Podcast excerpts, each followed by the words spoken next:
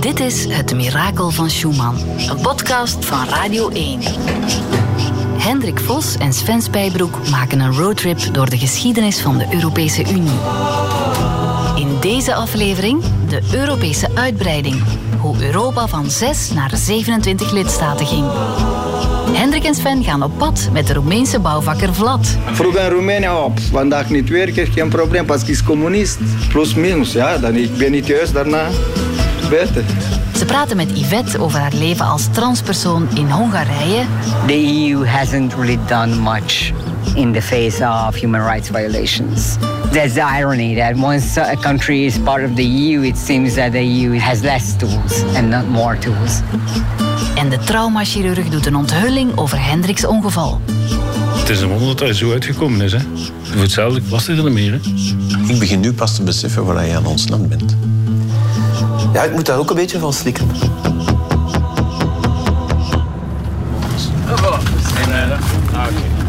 In de straat. We rijden door de straten van Lissabon in Portugal. En nogal snel, want we zijn te laat.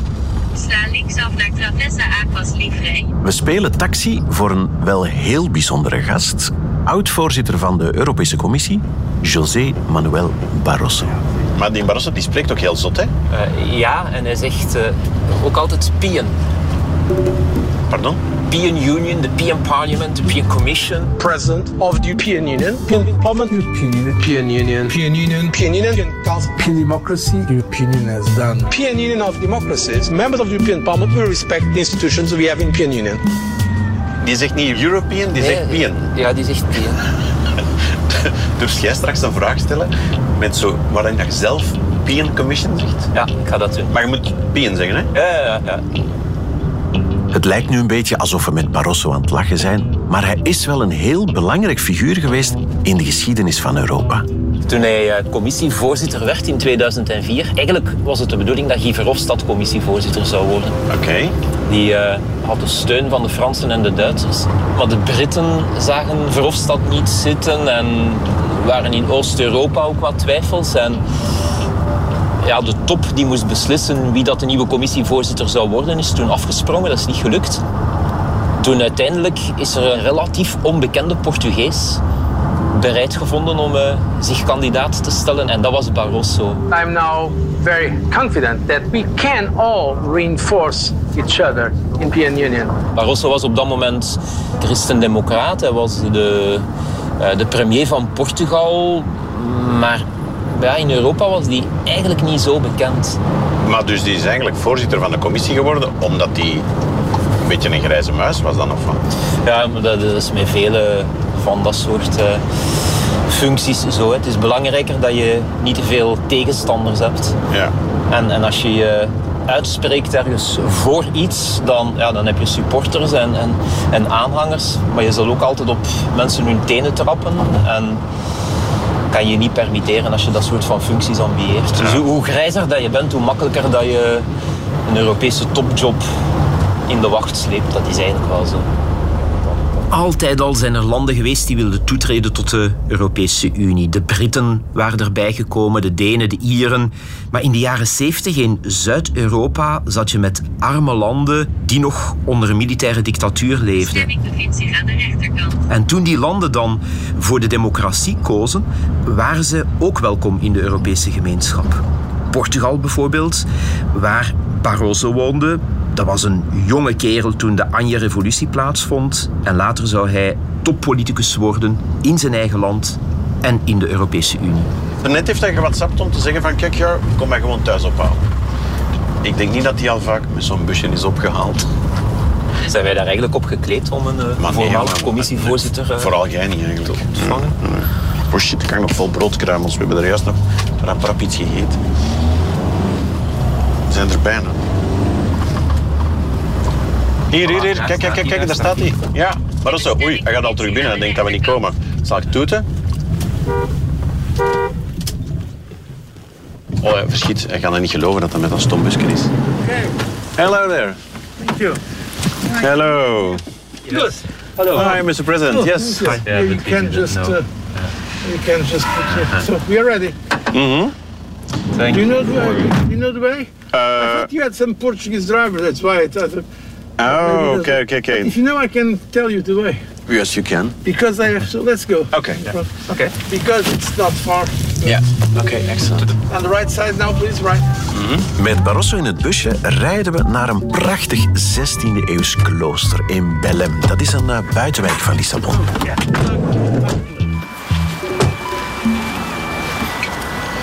Voilà, hier zijn we. Het klooster. Fantastisch, hè? Zo groot. Het is echt een paleis, hè? Ja. Ah. Prachtig. Is it great? Fantastisch. Ja. It's amazing, isn't it? Wat een plek. In het midden van het klooster, in de binnentuin, staat een prachtige fontein. Met daar rond een minutieus versierde zuilengalerij. Het is op deze plek dat Portugal officieel lid werd van de Europese gemeenschap. Hier werd het toetredingsverdrag plechtig ondertekend. En na de plechtigheid stapten de leiders op het vliegtuig om naar Madrid te vliegen en daar dezelfde plechtigheid opnieuw te doen, maar dan voor Spanje. Weet je de naam nog van de Anja Revolutie? Carnation Revolution. Oké, oké, oké. Ja. De Anja-revolutie, het moment waarop Portugal de ketenen van de dictatuur van zich afwierp. Het begon allemaal op het Eurovisie Songfestival van dat jaar. Fleur de Liberté, Jacques Cousteau, recovered from the flu which he's had all week in Brighton, now with number 11 for Belgium. Terwijl Fleur de Liberté van Jacques Cousteau België vertegenwoordigt, staat er voor Portugal veel meer op het spel. Portugal deed mee met een ballade van Paulo de Carvalho. Het nummer eindigde met drie punten op de allerlaatste plaats.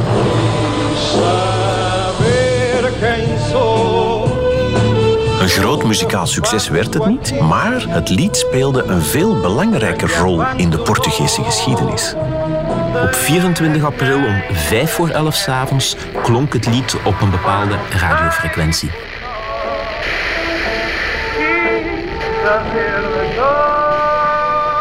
En dat was het teken om de revolutie te starten. Militairen wisten wat er hen te doen stond. Deuren werden ingestampt, strategische plekken werden ingenomen en in één nacht tijd werd Portugal een democratie. José Manuel Barroso was toen 18 jaar oud. I was 18 years old when the revolution came. Was, from my point, it's the most important day in my life. I was the first year of university, and the music in the radio changed. Normaal luisterde de jonge Barroso altijd naar slow rock als hij studeerde. Slow rock music. But then it's interrupted, and then we hear some military. I said, something is happening. I went and uh, I woke my father. And I said, look, something is happening. Maybe it's a revolution because I, I hear something. That's not normal. Oh, no, no, revolution, what are you saying? So. Let's go to sleep and so on. Afterwards it was, and then we hear movement of the armed forces proclaiming that they were putting an end to the 48-year dictatorship. And so I came immediately to the street. I was literally in the place where the regime was falling. Barroso, een eh, jonge student met, je zou het niet geloven, Maoïstische invloeden, kwam toen ook op straat. Julgo que a proposta aprovada hoje neste plenário dos tantos candidatos ao primeiro ano Zijn stem klinkt nog steeds hetzelfde. En samen met duizenden andere studenten stak hij anjers in de lopen van de geweren van de soldaten die de opstand moesten neerslaan. I mean, I would say almost everybody came to the street. Commemorate with the red carnations. I don't know where they all appear, and giving them to the military. And uh, there was it was a kind of spontaneous. uh, I mean, it was a coup, and so they were putting an end to that. But at the end, it became a democracy. I saw literally the regime falling. It started with music on the radio. That was actually a sign. It was a sign. If you don't mind me asking, I don't know these songs. What do they sound like? Uh, no, don't ask me to sing because um, I was expelled twice when I was at uh, uh, high school because I was doing my best and the professor, the teacher Because thought I was provoking him. And, uh, I, I was I was expelled twice from the high school. From and singing was- class? No, because he said get out. He said in English. I don't know why. And so that's my trauma. I, I love music. By the Sorry way, for bringing that in, up. in Brussels, I was all the time going to the to the Beaux Arts and opera. Mm-hmm. So I love music, but unable to sing. Op ongeveer hetzelfde moment stuikten ook de militaire regimes in Spanje en Griekenland in elkaar en enkele jaren later was er overal in Zuid-Europa democratie. Um, the European Union, as you know, started with the six founding members. So the three Benelux members and France, uh, Germany and Italy. But then for us here in Portugal, we felt all the time we were part of Europe. In fact, Portugal was part of AFTA, European Free Trade Association, differently from Spain. But we could not join because we were not a democracy. So for us, coming to the European Union, at least for most of us, was to be where we should be, have been since the beginning. But we could not because of the political reasons. And then what happened was that um, when we asked to join, the reason to join the European community, at least from the Portuguese side, was not to get some money, as sometimes some people uh, in Might the say. north might think. It was political reason, political. And we wanted to be a normal democracy, a European country like others. Nadat de Zuid-Europese landen waren lid geworden, stortte het communisme in elkaar, de muur in Berlijn viel en vroegere neutrale landen zoals Oostenrijk, Zweden of Finland konden toetreden. En toen werd het tijd voor de uitbreiding naar Centraal- en Oost-Europa. When I saw the collapse of the Berlin Wall and also the transformation, the perestroika movement in Poland, and all the transformation of the people fleeing Hungary to go to other parts of Europe, I was also extremely happy. And, uh, and so I think it was the right thing to do, the European community, to integrate or to incorporate those countries. Because now we have a truly continental dimension. And I know that sometimes today people say, oh, it's not going well.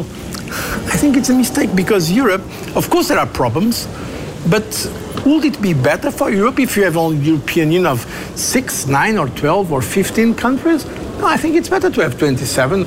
It's the only way for us to protect our interests and our values. Het wordt even stil You look like you had a question. voor Hendrik zijn volgende vraag stelt. when it became clear that Portugal would be a member of the European Union, could you imagine that one day you would be the president of the European No, Commission? No, no, no. It was not with intention to become president of the commission. No, I did not have that. But uh, I was already thinking that I have to do something with European community. Yes, uh, because immediately I saw this is the moment. Portugal now is a member of the European Union. We have a European community, as we were saying at that time. So we have to understand uh, and explain and, uh, and do that. Yeah. Could I say that for recent history of Portugal, there were two important dates. That's the Carnation Revolution and becoming a member of the European I, th- Union. I think so. If I had to choose from an historic perspective the most important moments of the 20th century, it will be 74, the Portuguese Carnation Revolution, and uh, 86, the accession to the European community. Because it was not just the issue of being in a more competitive market. For me, it's much more than that. It's an overall modernization. It's the fact that we are part of a family. You can be Portuguese, Spanish, or French, or Belgium, Dutch, or German, or Italian. At least for me and my generation, many people, was a kind of be amputated from the rest. I mean, Because of the dictatorship. part- because of dictatorship. Wij Belgen en andere landen die al lang democratie kennen en lid zijn van de Unie, wij vinden dat allemaal heel normaal. Maar voor jonge leden ligt een revolutionair en gewelddadig verleden nog niet zo ver achter zich.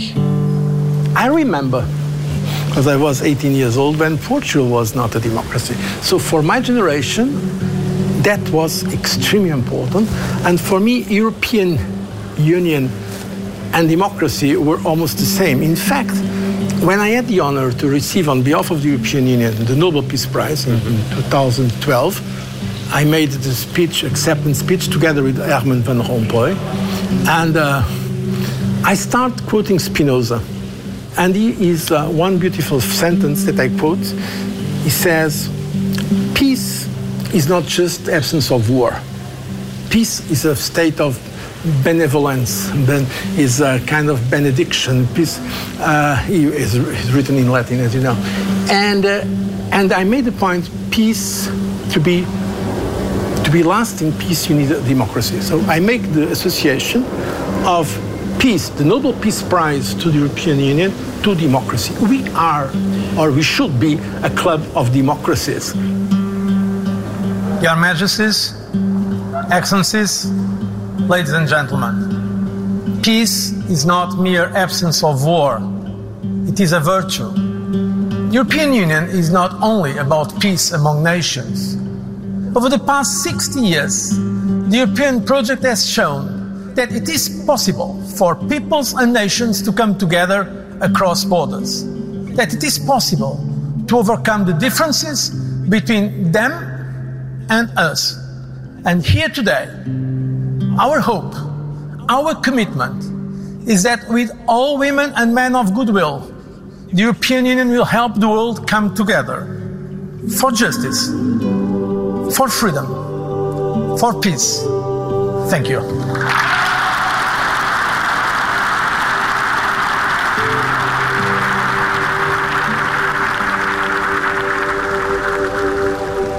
Meer landen betekent meer standpunten, meer meningsverschillen, meer palaveren, meer ruzie maken, lastiger om compromissen te zoeken en dus ook moeilijker om beslissingen te nemen. More members in that community of, of peace. But as the president of the European Commission, you were also confronted with a lot of practical and, and, and other difficulties. Yeah, there were. There were, for instance, it was already when I was president of the Commission that we had to launch some infringement procedures against the government of Hungary because of some issues in terms of independence of the powers there. And that's a problem, that's a concern. I think we should treat those matters, of course, with great care, intelligence, but following, of course, the treaties. Uh, we are a community of, uh, of um, democracies. And so if one country does not respect the, the values and the principles and the norms that are in the treaty. Article 2nd of the treaty is a that's principle of pluralism, democracy, rule of law, principle of non-discrimination, quality of uh, rights between men and women. All, all is there in the treaty. Are you worried? I, I am. I am because, uh, because it's one very difficult issue. Because on one side, I have no doubts that the European Commission was and is trying to do its best.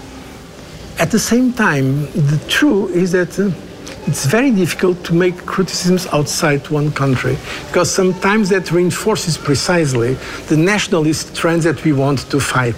So it has to be done in a very intelligent way, not in terms of propaganda or politics, but in terms of um, a serious political conversation, but at the same time respecting the treaties, respecting the, the norms.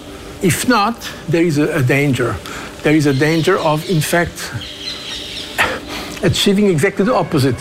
Because if we appear just as kind of giving lessons to others, that is so easy for those politicians who want to manipulate to defend the pride of the country against those guys from Brussels that are imposing on us. So that's the that's why it requires a lot of uh, sophistication, and it's not easy. I believe the European institutions, from the Commission to the Council to the Parliament, are doing all they can to keep those members, but of course to, to make them respect the principles and the values of the European Union.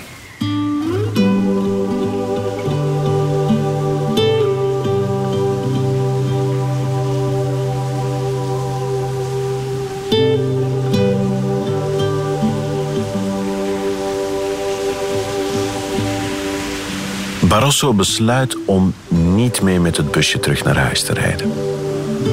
Hij boekt liever een echt taxi. Je hebt twee vragen gesteld met de Pian Parliament. dat echt-. Ja, ik weet het, maar ik had nooit verwacht dat je dat echt ging doen. Hij zei trouwens wel European. Ja, hij is, hij is verbeterd in zijn uitspraak. Ja, dat is echt waar. het is, maar- het is, het is, Ehm, ja, maar toch, ik kreeg de pinch. En af en toe hoor je het dan nog zeggen. Zijn klemtoon, er is iets raars aan. Ik vond hem sympathiek. Hè. Er is nog een reden waarom het klooster in Belém belangrijk is voor de geschiedenis van Europa. Hier is het toetredingsverdrag getekend. Ja, 1985. Voilà, waarop Portugal lid wordt van de Europese Unie en Spanje ook op dezelfde dag. Ja. En dan is er nog het verdrag van Lissabon. En dat is iets anders. Hè? Ja, dus meer dan twintig jaar later is dat hier ook plechtig getekend. En de twee hebben wel iets met elkaar te maken, want de Unie die werd altijd maar groter. En na Spanje en Portugal heb je nog de hele toetreding van Oost-Europese landen. Je hebt de toetreding van Zweden, Finland, Oostenrijk. En de spelregels konden niet meer dezelfde blijven. Als je start met een gemeenschap van zes en je wordt dan een groep van op den duur 27, 28 landen, dan heb je andere spelregels nodig als je dat nog wil laten functioneren. Je moet in staat zijn als Europa om daar tegen op te treden, om regels te maken. Ja. En daarvoor dienen verdragen. Die, die leggen vast welke spelregels dat je, dat je hebt. En dus moesten door de jaren heen de verdragen een paar keer worden aangepast. Hè. Het verdrag van Maastricht was zo een keer dat dat gebeurde. Dan had je het verdrag van Amsterdam, dan had je het verdrag van Nice. En op een dag heeft men gezegd van laat ons een Europese grondwet maken. Dan hebben we een nieuwe set van spelregels die ons toelaat om alle mogelijke nieuwe uitdagingen aan te pakken. Te zorgen ook dat die Europese Unie een beetje democratisch georganiseerd is en dat we gewoon slagkracht behouden. Ja. En dus heeft men zo'n grondwet gemaakt. Daar hebben ze referenda over gedaan, meen Ja. ik mij te herinneren. Precies. Dat is verkeerd uitgedraaid, hè? Ja, 2005, de Fransen en de Nederlanders hebben beslist om de Europese grondwet te verwerpen. Il est 21h, 59 minutes et 55 secondes. Voici maintenant notre estimation Ipsos des résultats de ce référendum. Les Français rejettent la Constitution européenne. C'est un choc, David, ce soir. Un choc pour l'Europe, mais aussi un choc pour la quasi-totalité des partis de gouvernement en France. Eigenlijk om heel tegengestelde redenen. De Fransen bij meerderheid omdat ze vonden dat het ja, niet sociaal genoeg was. En de Nederlanders omdat ze vonden dat Europa te veel macht kreeg. En het gevolg was dat de grondwet dood en begraven was. Hè. Je kon die niet meer invoeren. Want de grondwet dat is voor iedereen in heel Europa, per definitie. Ja, dus als je, er een paar niet je- meedoen... je kan die niet door de strot duwen van bevolkingen die het niet willen. Het verdrag van Lissabon, is dat dan een soort grondwet light geworden? of? Ah, wel, nee. Toen de Fransen en de Nederlanders nee hadden gezet tegen die grondwet, toen eh, is men gaan nadenken. Officieel zijn we van we gaan een reflectieperiode starten. En dat heeft ongeveer twee jaar geduurd. En toen had men het gevoel van we moeten wel iets doen. Want we, we moeten zorgen dat die Unie in staat is om, om, om te blijven werken. En toen heeft men eigenlijk een truc bedacht die erop neerkwam dat ongeveer alles wat in die grondwet stond, toch weer in het verdrag, van Lissabon stond? Ja, precies. Het verdrag van Lissabon is eigenlijk gewoon de Europese grondwet, maar dan met andere woorden. En over het verdrag van Lissabon zijn er geen referenda gehouden.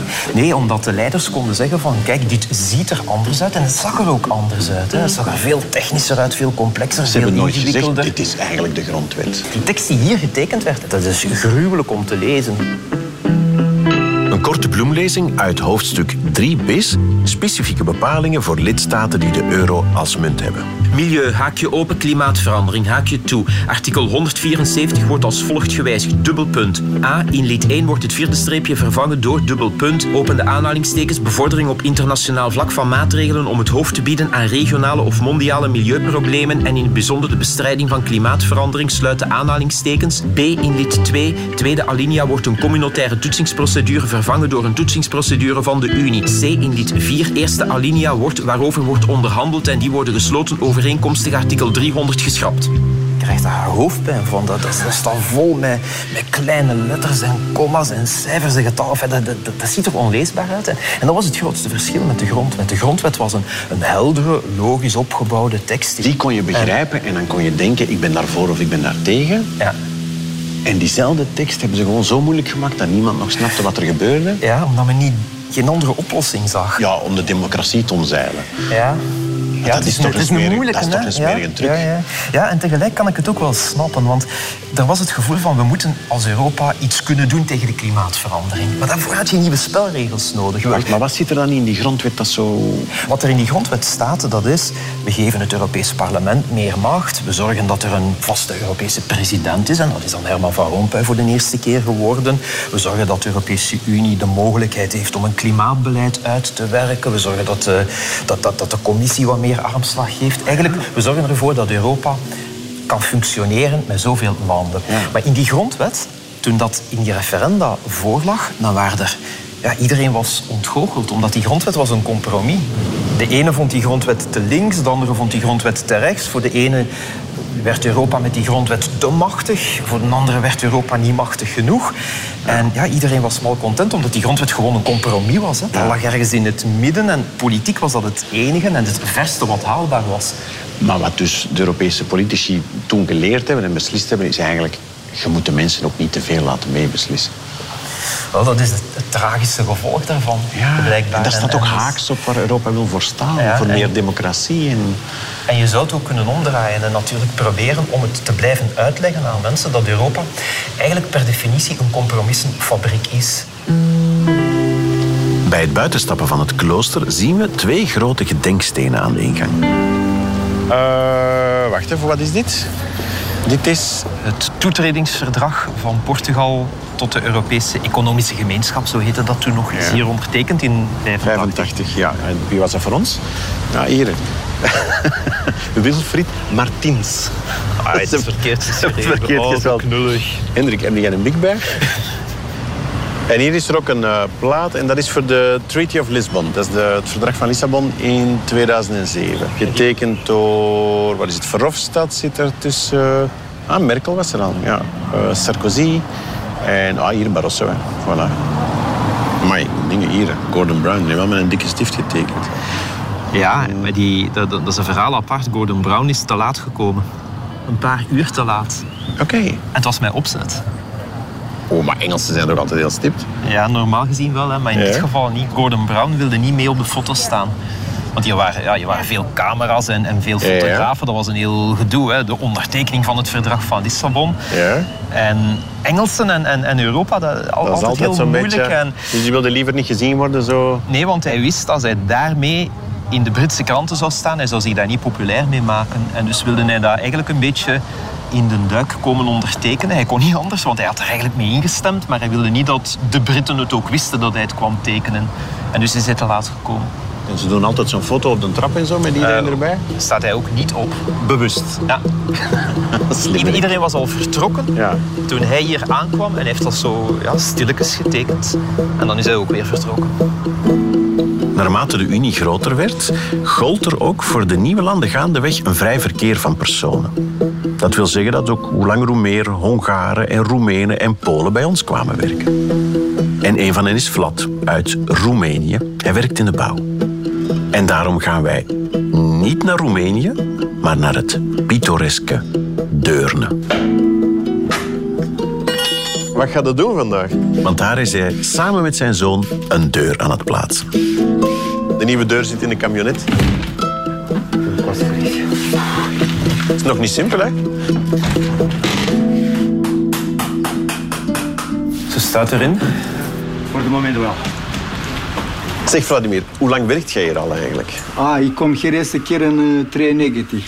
93? Ja, da, ik ook uh, hier begin met zonder papieren.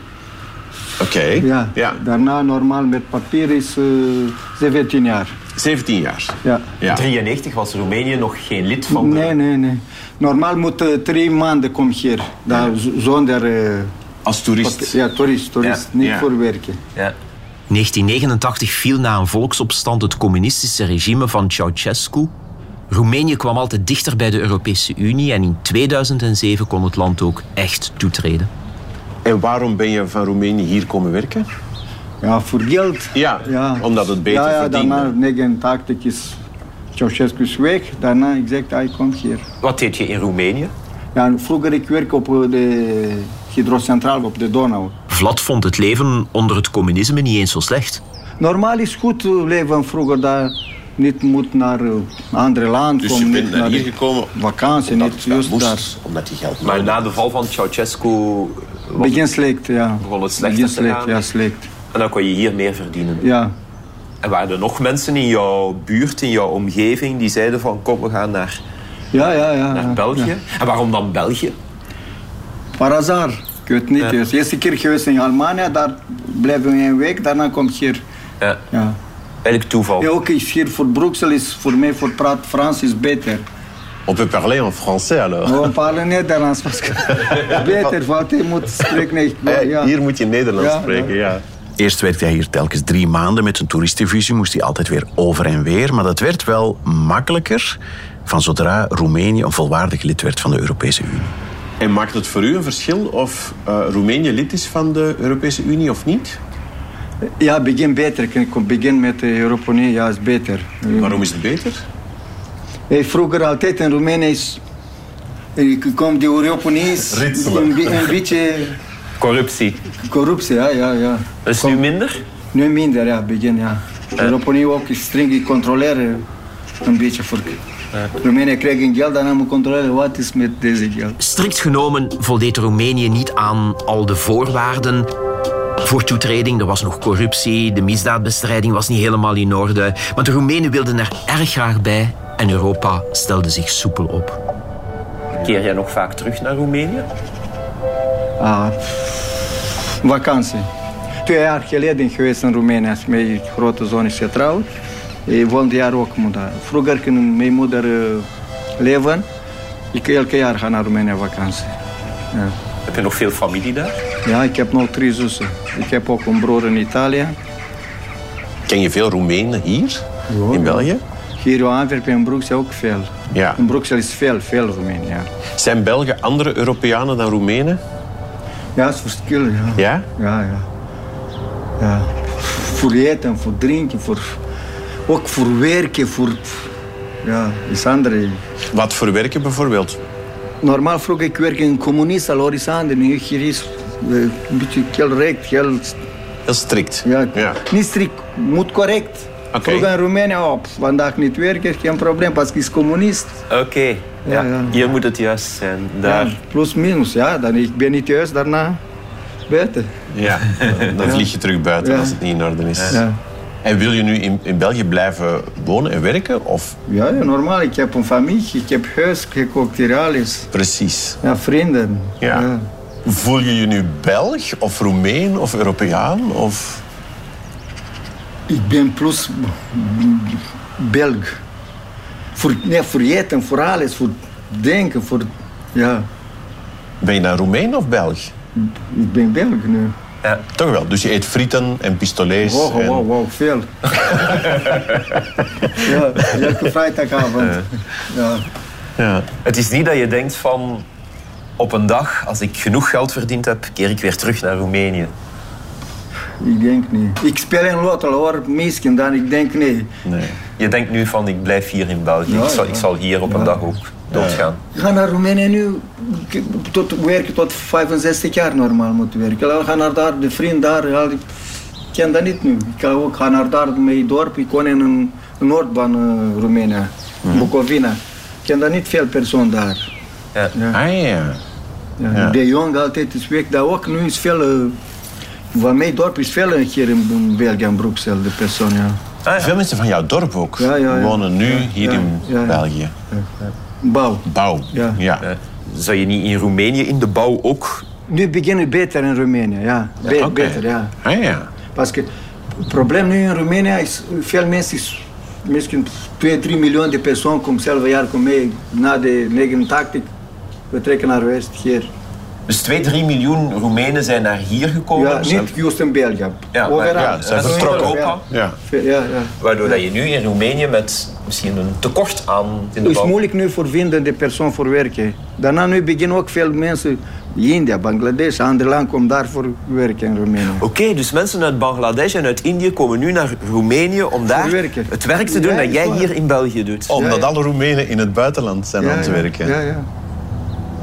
Naarmate de Unie groter wordt, wordt het ook steeds moeilijker om alle neuzen in dezelfde richting te krijgen. En als landen dan bijvoorbeeld sommige Europese regels niet respecteren, dan is het moeilijk om hen daarvoor te berispen. In Polen bijvoorbeeld of in Hongarije worden de rechten van de LGBTQIA-gemeenschap niet gerespecteerd. Journalisten worden vervolgd. Academici hebben niet de kans om vrij te publiceren, dat soort problemen. In haar State of the Union voor het Europees Parlement had commissievoorzitter Ursula von der Leyen het over de European values. It was Robert Schuman who said Europe needs a soul, an ideal, and the political will to serve this ideal. Maar wat zijn die waarden dan waard als ze niet worden nageleefd?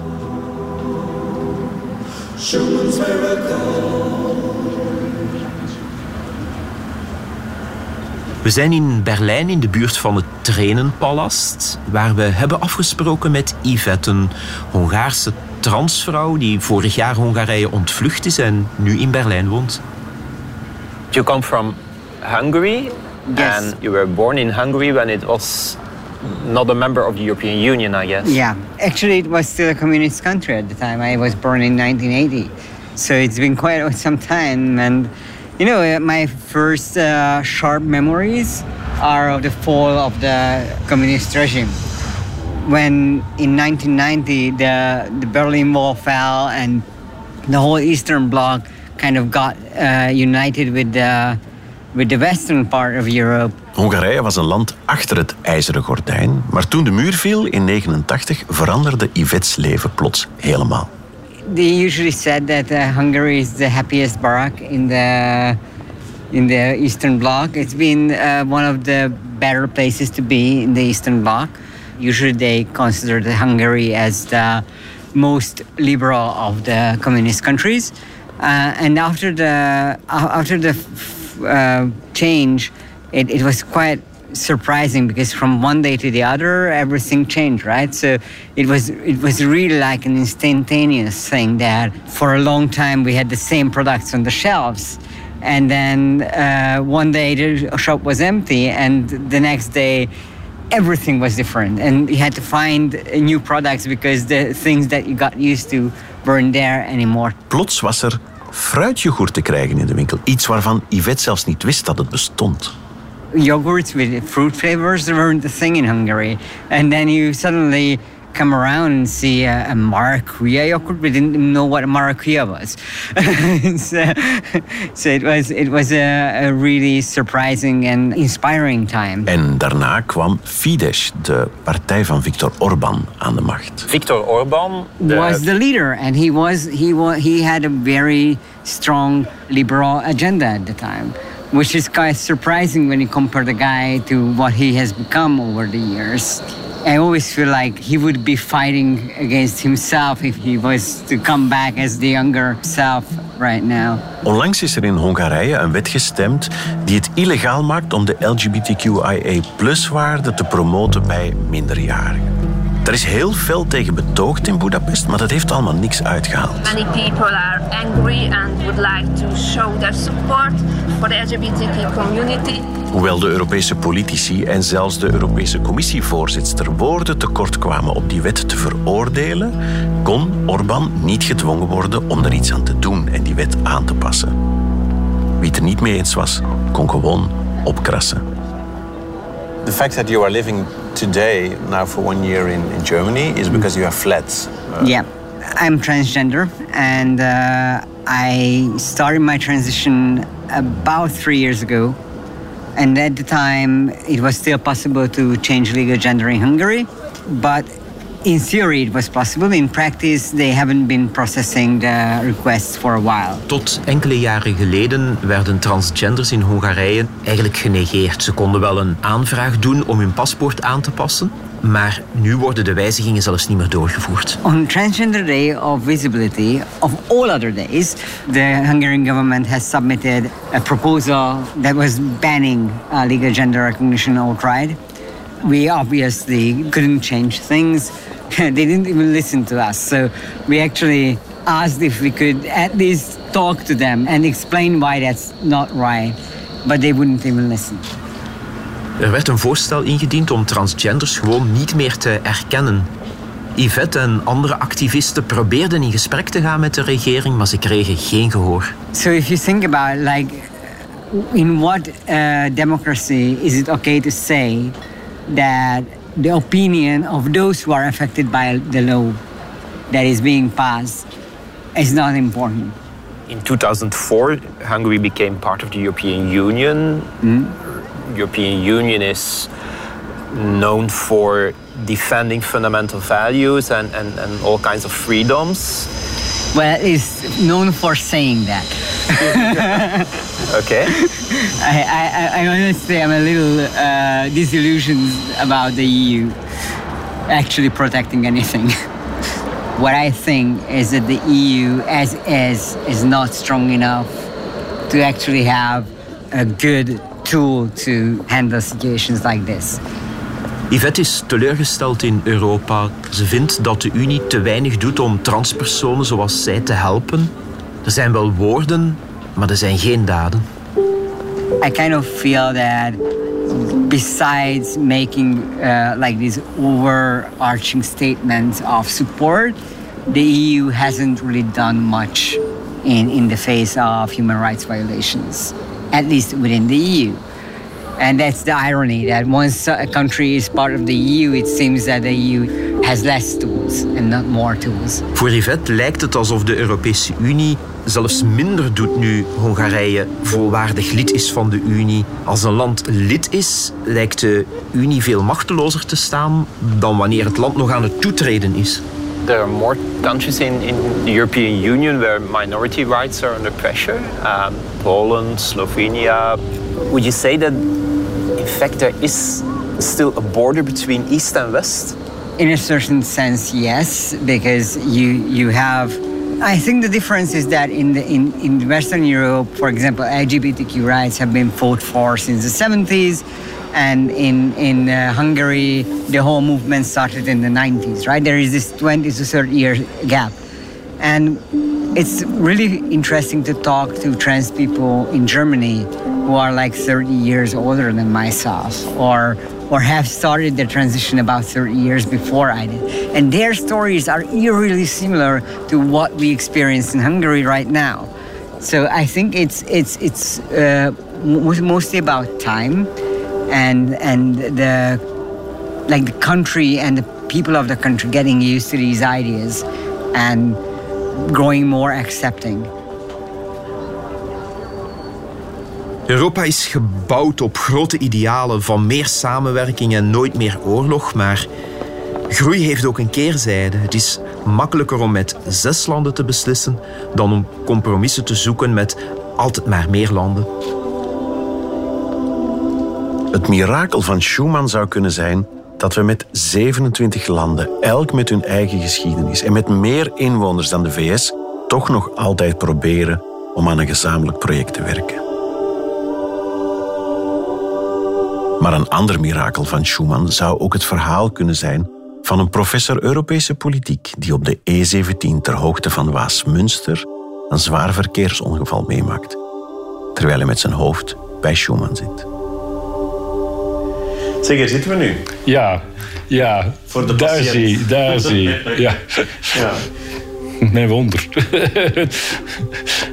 We zitten in de zwart lederen zetels van professor Dr. Bart Poffijn, de traumaarts die mij behandeld heeft. Hebt u Hendrik gezien na zijn ongeval? Ja, ik neem aan. Ja, tuurlijk. Ja. Want als we op zoek zijn naar een mirakel, dan is dit misschien wel onze kroongetuige.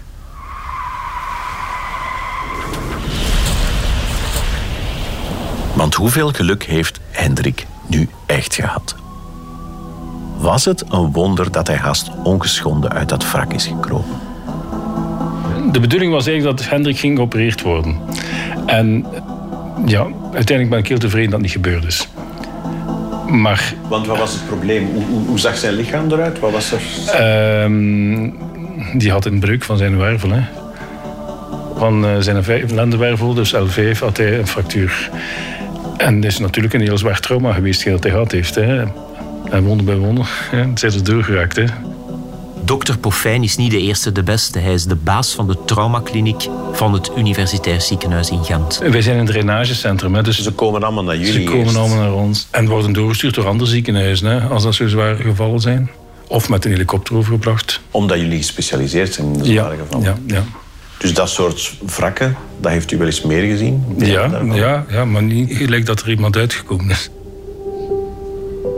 We bekijken met de professor de foto's van vlak na het ongeval. Het wrak van de rode Citroën Berlingo op zijn zij op de snelweg in een zee van glas. Op de achtergrond, zover je kan kijken, een lege snelweg. En links tegen de vangrail staat de zwarte rugzak van Hendrik. Met daarin al zijn notities en boeken over Robert Schumann. In de meeste gevallen loopt dat heel slecht af. Als ik zie al de polytrauma's die binnenkomen bij ons met zo'n accidenten. Dat zijn letsels van het ruggenmerg en van de wervelzuil. Maar dan ook de polytrauma's, dat er dan ook eh, fracturen zijn. En als je die wagen zag, hoe dat hij toegetakeld is, is het, ja, het is, het is, het is ja, heb veel geluk gehad. Maar niet iedereen heeft dat. Nee. Je kan in, ja, in het leven soms een keer geluk hebben. Hè? En, en, en, dan, uh, en dat heeft... Hendrik nu gehad. Hendrik had, ja. ja, ja. Is het een wonder? Ja, is het een wonder. Het is, het is een wonder dat hij zo uitgekomen is. Hè? Ja. Het, ja, dat verwondert mij, ja. Als je het volledige... Allee, die foto's heb ik allemaal gezien en... en en goed, ik, ik zeg het in de meeste gevallen is de, is de, zijn dat echt polytrauma's die, uh, ja, goed, waar dat meestal niet goed afloopt. U bent vast blij dat u daar niet in zat? Ik zou er niet overleefd hebben. Dat zou nooit gegaan. Hè. Nee, nee, nee, nee, echt waar. Ik ben, blij, ik ben blij dat ik daar niet in zat. Ik ga een privévraag stellen. Ja. Bent u gelovig? ben ik gelovig? Um, ik heb mijn eerste en mijn plechtige communie gedaan. En nadien hebben mijn ouders mij de toelating gegeven om mijn eigen visie te nemen. Ja. Dat heb ik ook gedaan. Ik ben dan getrouwd met een echtgenote die niet gelovig was. Want wij vragen ons af of het Vaticaan dit als een mirakel gaat herkennen. Hoe staat u daar zelf tegenover, tegenover dat soort dingen?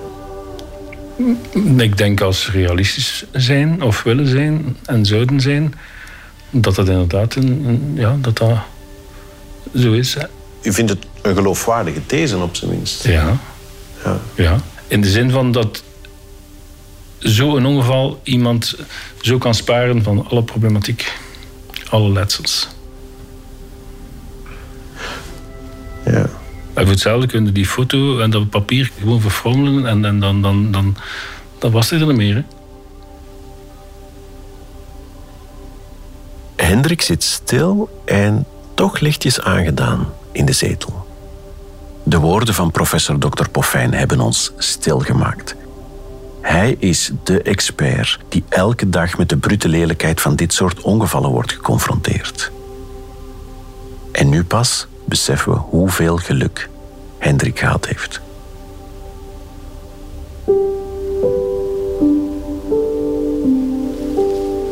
Ik begin nu pas te beseffen waar je aan ontsnapt bent. Want we hebben daar nu toe, hè, even uit de redding geweest voor die opnames, maar dan daarna weer heel snel terug. Ja. Maar als ik dit hoor, is dat toch wel. Is het er toch van de naald gekropen? Ik denk dat die, dat oog bijna dicht was.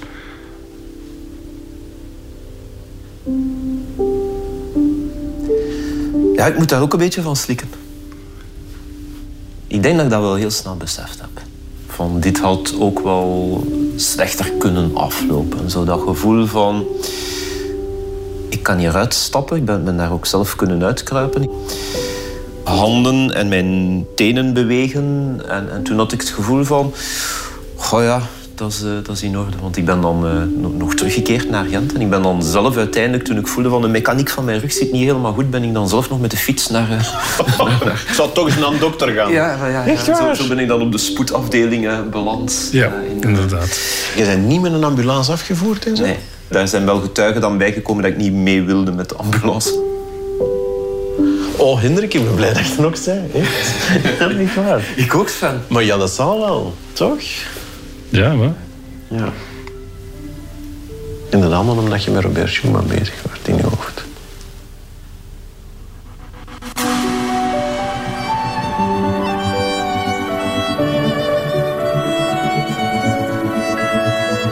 Dit was de zevende aflevering van Het Mirakel van Schumann. Een podcast van Radio 1 in samenwerking met het Europees Parlement. Joyful, joyful, we adore thee. God of glory, Lord of love.